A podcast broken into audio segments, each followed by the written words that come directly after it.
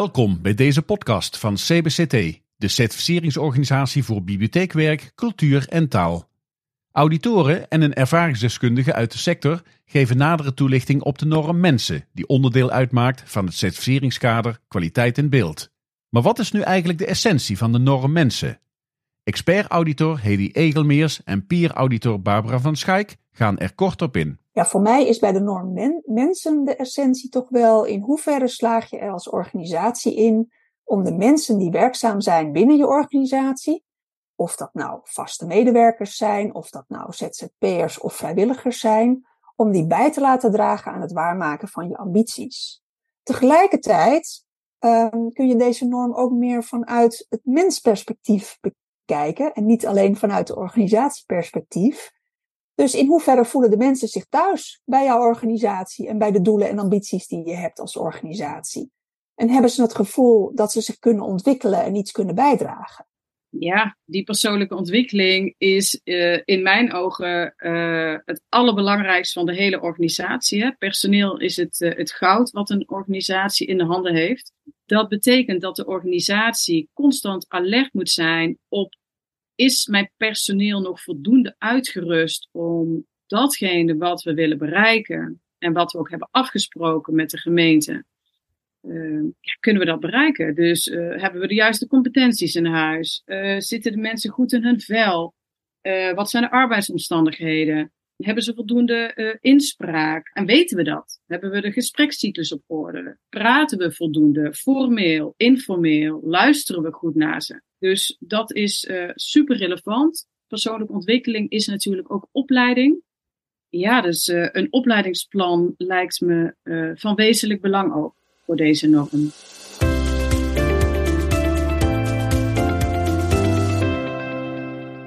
Een van de onderdelen van de certificeringsnorm is de beantwoording van de ja-nee-vragen. Voor de norm mensen zijn dit er 11 in totaal. De auditoren krijgen op deze manier een eerste beeld van hoe de norm mensen bij een organisatie is ingevuld. In feite vind ik uh, alle ja-nee-vragen uh, uh, belangrijk, maar een paar zijn voor mij net even wat relevanter. En dat is op de eerste plaats het vormgeven aan de duurzame inzetbaarheid van het personeel. Hoe doe je dat en heb je daar een aanpak voor? Vervolgens vind ik een beleid op het gebied van deskundigheidsbevordering super cruciaal, hè? want dat zegt iets over het inzicht wat de organisatie heeft. Hoe ga ik mijn personeel ook klaarmaken voor de duurzame uh, rol die wij als bibliotheek of uh, Centrum voor de Kunsten hebben. En als derde vind ik ook de medezeggenschapsfunctie heel erg belangrijk, want dat zegt iets over de cultuur van de organisatie. Hè? Dus hoe wordt een medezeggenschapsraad of een OR hoe wordt die betrokken? Wordt die actief betrokken? Waarover mogen ze meedenken? Wordt er ook daadwerkelijk iets mee gedaan? Ja, dat zegt iets over hoe een organisatie in elkaar steekt. En hoe prettig ook de werkomgeving en de werksfeer is. En dat merken wij als auditoren meteen op het moment dat dat een hele prettige ja, cultuur als het ware heeft. En dat, dat helpt om wendbaarder te zijn en ook ja, je toekomstbestendigheid uh, sterker uh, in te richten. Welke documenten met betrekking tot de norm mensen zijn essentieel om mee te leveren met de zelfevaluatie? Nou, ik denk vrijwilligersbeleid. We zien toch steeds meer uh, dat, bij, dat ik kom veel bij organisaties waar eigenlijk de kernorganisaties van vaste medewerkers, medewerkers die daadwerkelijk in dienst zijn, relatief klein zijn.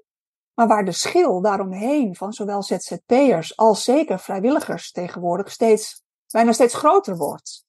Dus heb je voor je vrijwilligers uh, specifiek daar beleid opgemaakt? Uh, dat kan misschien in de toekomst ook wel onderdeel zijn van je strategisch HRM-beleid. Zeker als die groep steeds groter wordt. Maar bijvoorbeeld ook, uh, wat ik vaak graag zie daar, is een voorbeeld van de gesprekscyclus. Hè, hoe ga je het gesprek aan met je medewerker over hoe hij of zij het doet in de organisatie of wat ze zouden willen in de organisatie? Een voorbeeld van functieprofielen van de meest voorkomende functies. Maar ook bijvoorbeeld een, uh, een. Wordt dat ook gedaan? En zo ja, dan zien we graag, uh, vinden we interessant om dat langs te zien komen. En ook bijvoorbeeld als uh, vrijwilligers gevraagd wordt van wat vinden jullie nou van deze organisatie? Of bijvoorbeeld notulen van een medewerkersoverleg. Of de notulen van een OR of een personeelsvertegenwoordiging overleg. En daar krijgen we vaak uh, inzicht in van, goh, wat speelt er nou in deze organisatie? Dat kunnen hele kleine dingen zijn, maar dat kan vervolgens aanleiding zijn om daar toch eens op door te vragen op de dag dat je bij elkaar zit.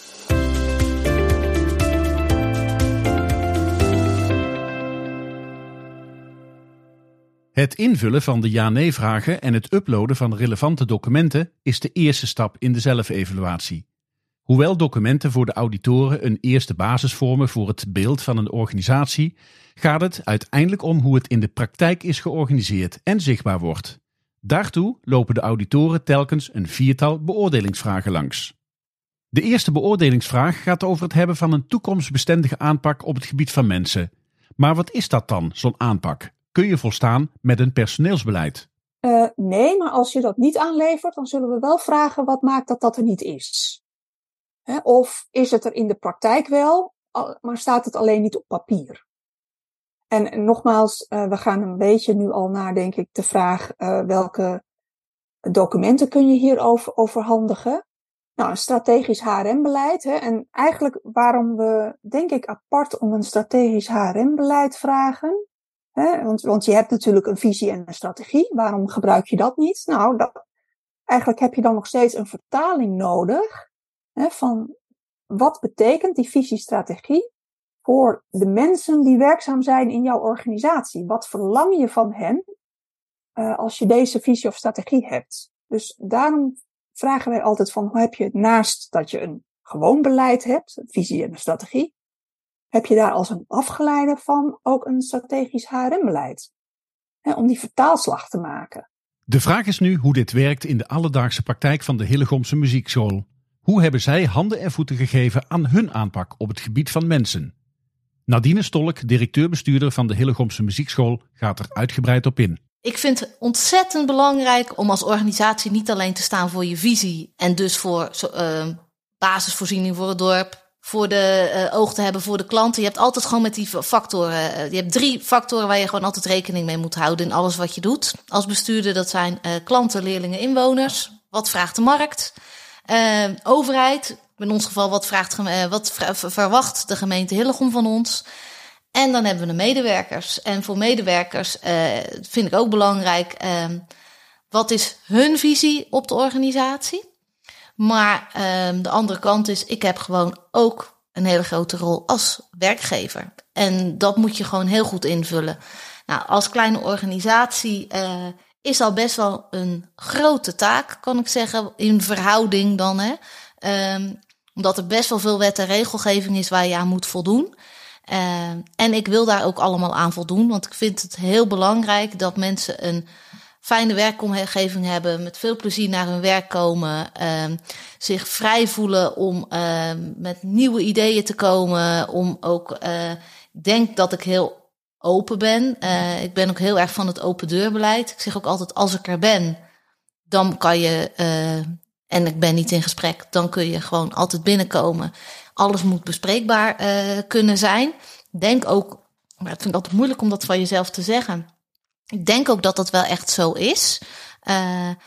En dat doe ik ook echt wel bewust, omdat ik mensen gewoon ook echt wel ja, betrokken wil hebben bij de organisatie. En dat is best wel ingewikkeld met 25 mensen die voor een deel in loondienst zijn en voor een deel ZZP, ongeveer 50-50, die allemaal heel erg parttime werken. het is dus moeilijk om er een team van te maken, want de dag dat iedereen met z'n allen bij elkaar is, uh, die moet denk ik nog komen. En dat is best wel eens ingewikkeld. Dus dat, om dat in goede banen te leiden, vind ik een uitdaging. maar het belangrijkste is dat de sfeer goed is. Uh, dat ze ook uh, en dat uh, medewerkers en dan dan doe ik ook vooral heel erg op docenten, want dat, ik heb één administratief medewerker en verder allemaal docenten. Um, dat die ook de ruimte krijgen om mee te denken en ook de ruimte krijgen om nieuwe dingen te ontwikkelen en om zichzelf te ontwikkelen. Dus dat is ook voor mij die specialisatie. Er komt toch die kernwaarde terug. Um, En die zit bij mij ook heel erg op de duurzame inzetbaarheid. Want uh, wil je toekomstbestendig zijn als organisatie, maar wil je ook een uh, medewerker toekomst geven binnen je organisatie, dan is uh, ontwikkeling wel heel erg belangrijk. Dus wij hebben ook echt wel, uh, we vinden het heel belangrijk dat mensen de kans krijgen om zichzelf te ontwikkelen. En dat hoeft helemaal niet te zijn dat ze dan een opleiding gaan volgen. Want veel mensen zien daar heel erg tegenop. Van nou, dat kost me heel veel tijd. En naast uh, alle andere baantjes die ik al heb, uh, zou ik niet weten wanneer ik dat moest doen. Maar het kan ook gewoon zo zijn dat je iemand uh, eens mee laat kijken bij een samenwerkingspartner. En op een, op een andere locatie waar al een bepaald project draait. Om inspiratie op te doen van, joh, zou dit nou iets voor mij kunnen zijn? dat gebeurt best vaak. Maar uh, het gaat ook wel verder. Er zijn ook uh, medewerkers die uh, gewoon komen praten over, joh, ik weet eigenlijk niet of dat hele verhaal van het muziekcentrum, of dat eigenlijk wel bij mij past. Want ja, ik geef al 30 jaar violes. En ja, dat vind ik hartstikke leuk om te doen. Maar ik zie me nog niet met vluchtelingen een of andere workshop doen. Want daar word ik gewoon helemaal niet gelukkig van. En dat kan ik ook gewoon helemaal niet. Nou, dan denk ik, uh, dat is wel de keuze die we toen ook bewust gemaakt hebben om voor die twee pijlers te gaan. Ja, dan kun je dus zeggen, even goede vrienden, jij doet waar je goed in bent, jij doet dit, want dat kun je goed, word je gelukkig van, helemaal prima. En voor dat muziekcentrum moeten we gewoon met andere mensen gaan werken die daar goed in zijn en die daar uh, lol in hebben. En, uh, en ik zie ook wel, want dat is voor, voor um, mensen ook wel een ding. Je kan een geweldig mooi verhaal hebben, je kan een heel mooi beleidsplan hebben, je kan een geweldig mooie visie hebben.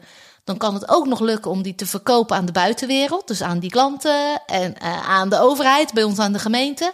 Maar die mensen moeten het doen. En die mensen moeten ook snappen dat dat onze visie is. Want het moet niet mijn visie zijn, het moet onze visie zijn. En dat is wel uh, een lastig punt. Op welke wijze heeft de Hillegomse Muziekschool de aanpak met betrekking tot mensen vastgelegd? Ik heb een uh, personeelsreglement, zeggen we dan heel leuk. dat is een soort handboek voor, de, voor, voor het personeel, waarin um, al die dingen verzameld worden die belangrijk zijn voor hen. Dus daar staat bijvoorbeeld een gedragscode in, maar daar staan ook dingen vastgelegd over. Uh, een onderwerp wat dit jaar heel erg belangrijk was, ook in, de, in onze sector. Uh, Ar Arbowet, maar ook uh, psychosociale arbeidsbelasting. Hè, daar moet je ook beleid op maken. Daar zit die duurzame inzetbaarheid ook heel erg in. Dus wat ik net vertel over dat open deurbeleid, die gesprekken, ruimte geven, scholingsplan, dat zit daar erg in uh, verwerkt. Uh, maar ja, daar staan ook werkafspraken in vastgelegd, zodat er ook, dit moet ook wel ergens vast liggen. Van, je moet wel duidelijk zijn in, uh, ook van, niet alleen wat is je visie op, uh, op de organisatie of met de organisatie, maar ook wat is je visie op mensen. Dus uh, zoals we kernwaarden hebben voor uh, de organisatie, die drie, hebben we ook drie kernwaarden, of hebben we ook kernwaarden voor, uh, voor de medewerkers. Je merkt heel erg dat mensen heel erg denken: oké, wat wordt er van mij verwacht? Nou, dat ik goed lesgeef. Nou, dat doe ik toch. Punt. Ik verwacht iets meer dan dat, want Ten slotte zijn het ook allemaal uh, HBO-opgeleide mensen, dus ik mag ook iets meer verwachten dan dat. Uh, ik verwacht ook uh, bijvoorbeeld dat het iemand is die als ambassadeur van de organisatie wil zijn en laat zien voor welk beleid wij staan. Als iemand daar niet achter kan staan, ja, dan, dan moet je daar wel over in gesprek met elkaar. maar ik verwacht ook van iemand heel, heel erg simpel dingetje, wat in de praktijk niet zo heel simpel is dat je je lokaal opgeruimd achterlaat als je weggaat. Want de volgende dag komt er een andere collega aan dat lokaal lesgeven. Dus dat is wel zo collegiaal om dat te doen. En dat zijn uh, uh, dingen waarvan je denkt, ja joh, maar dat is toch heel logisch, dat ga je toch niet vastleggen. Nou, in de praktijk is het toch wel handig om dat soort dingen ook wel echt op papier te zetten. Van joh, wat, wat zijn nou de afspraken die we met elkaar maken? Wat wordt er nou van je verwacht? Want je merkt als je dat niet uh, opschrijft, dat je, uh, toen ik in het begin directeur was, had ik dat dus niet opgeschreven. Dan merk je ook wel dat uh, docenten echt zoiets hebben van, nou, en elke keer kom je weer met wat anders wat je van me verwacht. En uh, dan kunnen dat voor mij hele logische dingen zijn.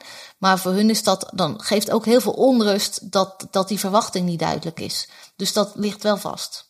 Op welke manier beoordelen de auditoren in hoeverre het beleid of de aanpak met betrekking tot mensen in de alledaagse praktijk ook terug te zien is? Sluit het aan wat betreft de competenties die nodig zijn uh, van dat personeel bij de impact die de organisatie wil bereiken. Komend jaar, maar ook over twee jaar, drie jaar, vier jaar. Dat betekent dat je daar nu al actie op moet ondernemen. Hoe doen ze dat? En doen ze dat überhaupt? Het is niet vanzelfsprekend dat een organisatie bijvoorbeeld een strategisch beleidsplan heeft op het gebied van personeel. Dat is er niet altijd. Sterker nog, misschien is het wel de uitzondering. dus hoe gaan ze dat nou doen? En het liefst uh, zou ik dat afgestemd willen zien ook op de verschillende uh, doelgroepen die een bibliotheek bedient. Dat kan nogal uh, wisselend zijn wat betreft competenties die je nodig hebt van jouw personeel. En, en kijken ze ook naar de verschillende niveaus. Dus breed, hoe ga je dat doen om met elkaar de komende jaren ja, zo hoog mogelijke impact te realiseren? Als, uh, als maatschappelijk educatieve organisatie die, uh, nou, hoop ik, actief en, uh, en breed haar tentakels heeft uitgeslagen in, ja, in de lokale samenleving. Nou, wat ik vooral wil horen is de stemmen van de mensen zelf. Dus ik, we ik vraag altijd om uh, medewerkers, vaste medewerkers te spreken. Die spreek je vaak toch omdat het vaak over een inhoudelijk onderwerp gaat. Maar dan zet ik altijd uh, in mijn achterhoofd op de agenda, oké, bij dit agendapunt, hè, bij dit gesprek, gaan we het over inhoud hebben. Maar ik ga het ook over het onderwerp mensen hebben. Dus dan vraag ik ook bijvoorbeeld van, goh, uh, hoe houd je jezelf uh, up-to-date? Dus dan krijg ik gevoel voor wat voor opleidingen of wat voor workshops mensen kunnen volgen. En daarnaast vragen we altijd specifiek als er een OR is of een PVT om, om daar ook met die vertegenwoordiging te spreken. En ik spreek ook altijd graag met vrijwilligers. En, en door, dat, door die mensen, hè, vaak spreek, begint het gesprek dan over de inhoud, waar ze mee bezig zijn. Maar het zal altijd ook komen op nou, hoe is het nou voor jou om in deze organisatie uh, te werken? Of werkzaam te zijn of iets te doen? En wat ik zelf, ik vind dit eigenlijk samen, denk ik, met samenwerking wel de twee leukste normen. ik weet niet waarom. Maar hier krijg ik ook altijd bij de norm mensen, gaat voor mij ook over cultuur, de cultuur van de organisatie. En dat proef je als je met de mensen spreekt. Dus daar krijg je misschien wel een idee van als je het papier leest. Maar dat proef je daadwerkelijk pas als je de mensen spreekt. En dan krijg je de bevestiging, of misschien soms wel de ontkenning, van wat er op papier staat. Maar het liefst de bevestiging. De Hillegomse Muziekschool heeft haar personeelsbeleid geconcretiseerd aan de hand van afspraken met medewerkers. Maar hoe werkt dat eigenlijk in de praktijk? Ik probeer het zo te zijn, laten zijn dat het niet gaat over controle. Want ja, dat betekent dat je mensen in een hokje doet en dat ze geen stapje meer opzij kunnen doen. Maar om, uh, ik wil heel graag het zien, en ik hoop dat zij dat ook zo zien, als de randvoorwaarden die nodig zijn om daarnaast zoveel mogelijk vrijheid te geven. En daar probeer ik wel heel erg met ze naar te kijken van, joh, dat is ook wat mijn personeelsbeleid is uh, naar de mensen toe. Uh, we hebben bepaalde afspraken, maar verder hoop ik dat iedereen zich zo vrij voelt om um, alles te bespreken. Zelfs de vraag, ik weet niet zeker of ik hier wel tot mijn pensioen wil blijven zitten. Uh, of ik überhaupt wel muziekdocent wil blijven. Gewoon in, uh, in deze nieuwe markt. Uh, hoe kom ik erachter wat er wel bij mij past? Ook dan ben ik, voor, ben ik er voor mijn mensen. Want ook dat is belangrijk in het kader van duurzame inzetbaarheid. Maar die vrijheid vind ik wel heel belangrijk. Omdat ik denk dat mensen uiteindelijk alleen maar groeien als je ze niet heel erg in een hokje duwt, maar um, als je wel duidelijk maakt van wat verwacht ik van je. En daarna de vraag stelt, wat verwacht je eigenlijk van mij? Wat verwacht je eigenlijk van de organisatie? Um, wat is je ambitie? Um, wat is jouw ambitie? Uh, hoe sluit die aan bij onze organisatie of sluit die niet aan bij de organisatie? En moeten wij, kunnen wij daar iets in betekenen? Of betekent dat uh, dat je zelf een andere conclusie trekt? Uh, die vind ik wel heel erg belangrijk. Dat is ook de basis waarop het gespreksformulier voor, de, voor het jaargesprek is gebaseerd. Die gaat heel erg over dat. Dus hebben ik heb wel echt jaargesprekken waarop ik echt elk jaar even de tijd neem om met mensen te praten. Maar verder heb ik eigenlijk, probeer ik wel uh, heel, ik wou, wou zeggen wekelijks, maar dat is ook niet met iedereen zo. Maar ik probeer wel zoveel mogelijk voor de mensen te zijn en die feeling te hebben. Want als je wil, um, uiteindelijk zijn die mensen degene die het doen, hè? En die zijn, uh, er wordt heel vaak gezegd tegen mij: jij bent het gezicht van de school. Uh, ja, ik denk dat dat in het dorp ook wel heel vaak zo is. Dat als we het hebben over muziekschool, dat mensen heel erg snel denken: oh, dat is Nadine. Maar uiteindelijk ben ik niet degene die die lessen geeft. En ik ben niet degene die uh, op, uh, op een locatie uh, met mensen met dementie aan het werken is. Dus uiteindelijk zijn die mensen het gezicht van de school. Dus die mensen moeten zich daar ook goed bij voelen. En moeten daar ook, ja, moeten daar ook kunnen floreren. Evalueren of de alledaagse praktijk werkt conform het beleid of de aanpak die daarvoor is opgesteld, kan op verschillende manieren. Leren van fouten is één van die manieren. Ja, nou, ik, ik ken een aantal uh, voorbeelden uit de praktijk. Uh, ik zal ze zo algemeen mogelijk uh, natuurlijk volkomen anoniem behandelen. bijvoorbeeld, ja, het kan zijn dat er bijvoorbeeld um, um, ja, zich kwesties ontwikkelen tussen medewerkers of tussen medewerkers en managers. Dat kan. En dan zijn wij helemaal niet geïnteresseerd in, in, in wie uh, wat gedaan heeft. Maar waar wij in geïnteresseerd zijn is van als, je, als dat voorkomt, uh, wat heb je ermee gedaan? Hoe ben je ermee omgegaan? Hoe open ben je erover geweest binnen je organisatie? Hoe heb je het aangepakt? En heb je iets uh, gedaan wat maakt dat het misschien een volgende keer niet meer voorkomt? En zulke verhalen maakt, maakt, eigenlijk, maakt eigenlijk je verhaal hier alleen maar sterker. Want waar het ons om gaat, van, is dat je zelf in de spiegel kunt kijken van hé, hey, hier gaat iets mis. En niet op een onbelangrijk punt, namelijk op het punt van mensen. Maar we zien het en we pakken het op en we doen er iets mee en we leren ervan. Ziekteverzuim is een ander voorbeeld waarop geëvalueerd kan worden. Wat is het ziekteverzuim? Dat is iets waar je toch even naar kijkt. En als je ziet van hé, hey, dat is wel heel erg hoog, dan is dat iets wat je als auditor in je achterhoofd houdt. Van daar zou ik wel eens even iets over weten. En in de praktijk kan het bijvoorbeeld zijn, dat weten we allemaal, dat er, ja, bijvoorbeeld, waarom weet ik niet, maar zwangerschap telt altijd als ziekte. En dan is iemand potentieel lang weg. En als je een aantal zwangerschappen hebt, dan heb je meteen een heel hoog ziekteverzuim. Dus, maar dan is de vraag ook meteen beantwoord. Maar als er andere redenen zijn voor uh, een hoog ziekteverzuim, dan is dat absoluut een goed punt voor een organisatie om dat zelf als voorbeeld uh, op te voeren. En, en dan ook graag natuurlijk van, goh, hoe heb je dat opgepakt? Want dat is waarschijnlijk, dat is uiteindelijk altijd waar je bij ons de punten voor krijgt. Niet de inhoud van een probleem zelf, maar wat doe je ermee en wat leer je ervan? Hoe werkt het evalueren bij de Hillegomse Muziekschool? Want dat is ook echt een verandering voor mij persoonlijk, moet ik eerlijk zeggen. Toen ik kwam was ik erg van, uh, we hebben gewoon regels en zo doen we het en we gaan geen stapje opzij. Um, ik heb inmiddels geleerd dat dat gewoon niet werkt. Zeker niet in deze sector. Um, en dat je daarmee mensen ook niet de ruimte geeft om uh, nieuwe dingen te ontwikkelen. Want als je dan vraagt, heb je nog een leuk idee voor een nieuwe activiteit, dan durft er niemand meer iets te zeggen, omdat ze denken, ja, dat zal toch wel niet in jouw kadertje passen. Dus, um, dus uh, dus ik ben daar wel, ik probeer wel die deuren meer open te zetten. En ik denk mensen die al wat langer werken, soms nog wel het idee hebben van uh, niet altijd helemaal, misschien wel niet altijd helemaal durven, omdat die dat oude beeld ook nog wel redelijk in hun hoofd hebben. Maar uh, ik ben ervan overtuigd dat als je goed contact hebt met elkaar, en veel contact hebt met elkaar, dat je dan ook stappen voor kan zijn. Dus dat die gesprekken in de gang, uh, dat die van veel grotere waarde en ook van veel grotere invloed zijn dan dat jaargesprek wat je doet. Um, en uh, die gesprekken in de gang en uh, of bij het koffieapparaat of waar dan ook, die zijn voor mij wel echt heel waardevol. In mijn studie hadden we het over liminal spaces.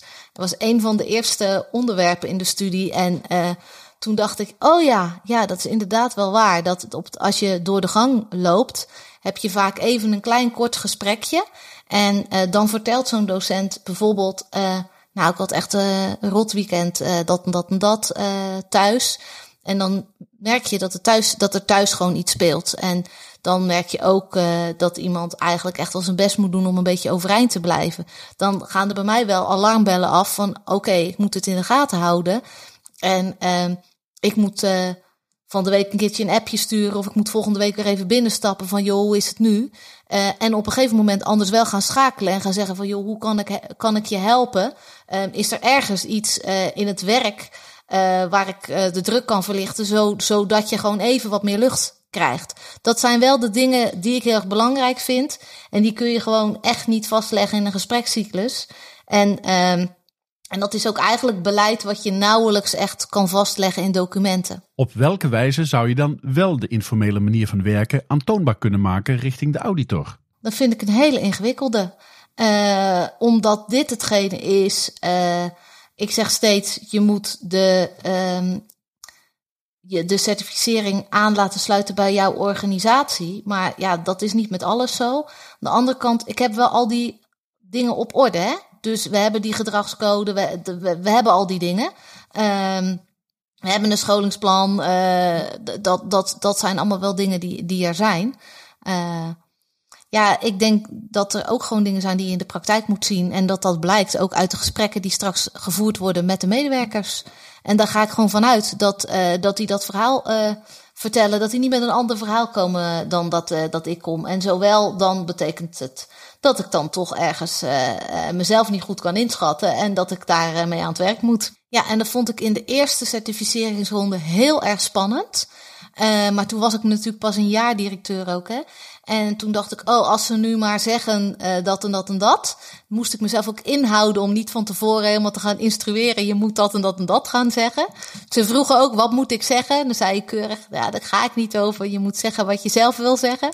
Nu denk ik, we zien wel wat eruit komt. Want ik geloof er ook wel in de, de, dat de band ook echt wel, uh, wel goed is. Dit laatste sluit mooi aan bij een tip vanuit de auditoren. Laat ons vooral met je mensen praten. Want uit de praktijk weet ik ook dat medewerkers altijd heel erg betrokken zijn. En die betrokkenheid niet onder stoelen of banken steken. En ook altijd niet schromen om iets aan te kaarten waarvan ze zeggen van nou, dit zou wat ons betreft ook wel wat beter kunnen. Dus die gesprekken leveren ons eigenlijk altijd heel veel op. Dus we spreken natuurlijk ook met het management, we spreken met een directeur-bestuurder, uh, we spreken met subsidiegevers. Maar de gesprekken met de medewerkers die met de voeten in de klei staan, hè, of dat nou ZZP'ers, vaste medewerkers of vrijwilligers zijn, die leveren ook heel veel op. Tot zover deze podcast over de norm Mensen van het certificeringskader Kwaliteit en Beeld. Bedankt voor het luisteren en we hopen dat je er iets van hebt geleerd. Voor meer informatie kun je terecht op www.certificeringsorganisatie.nl.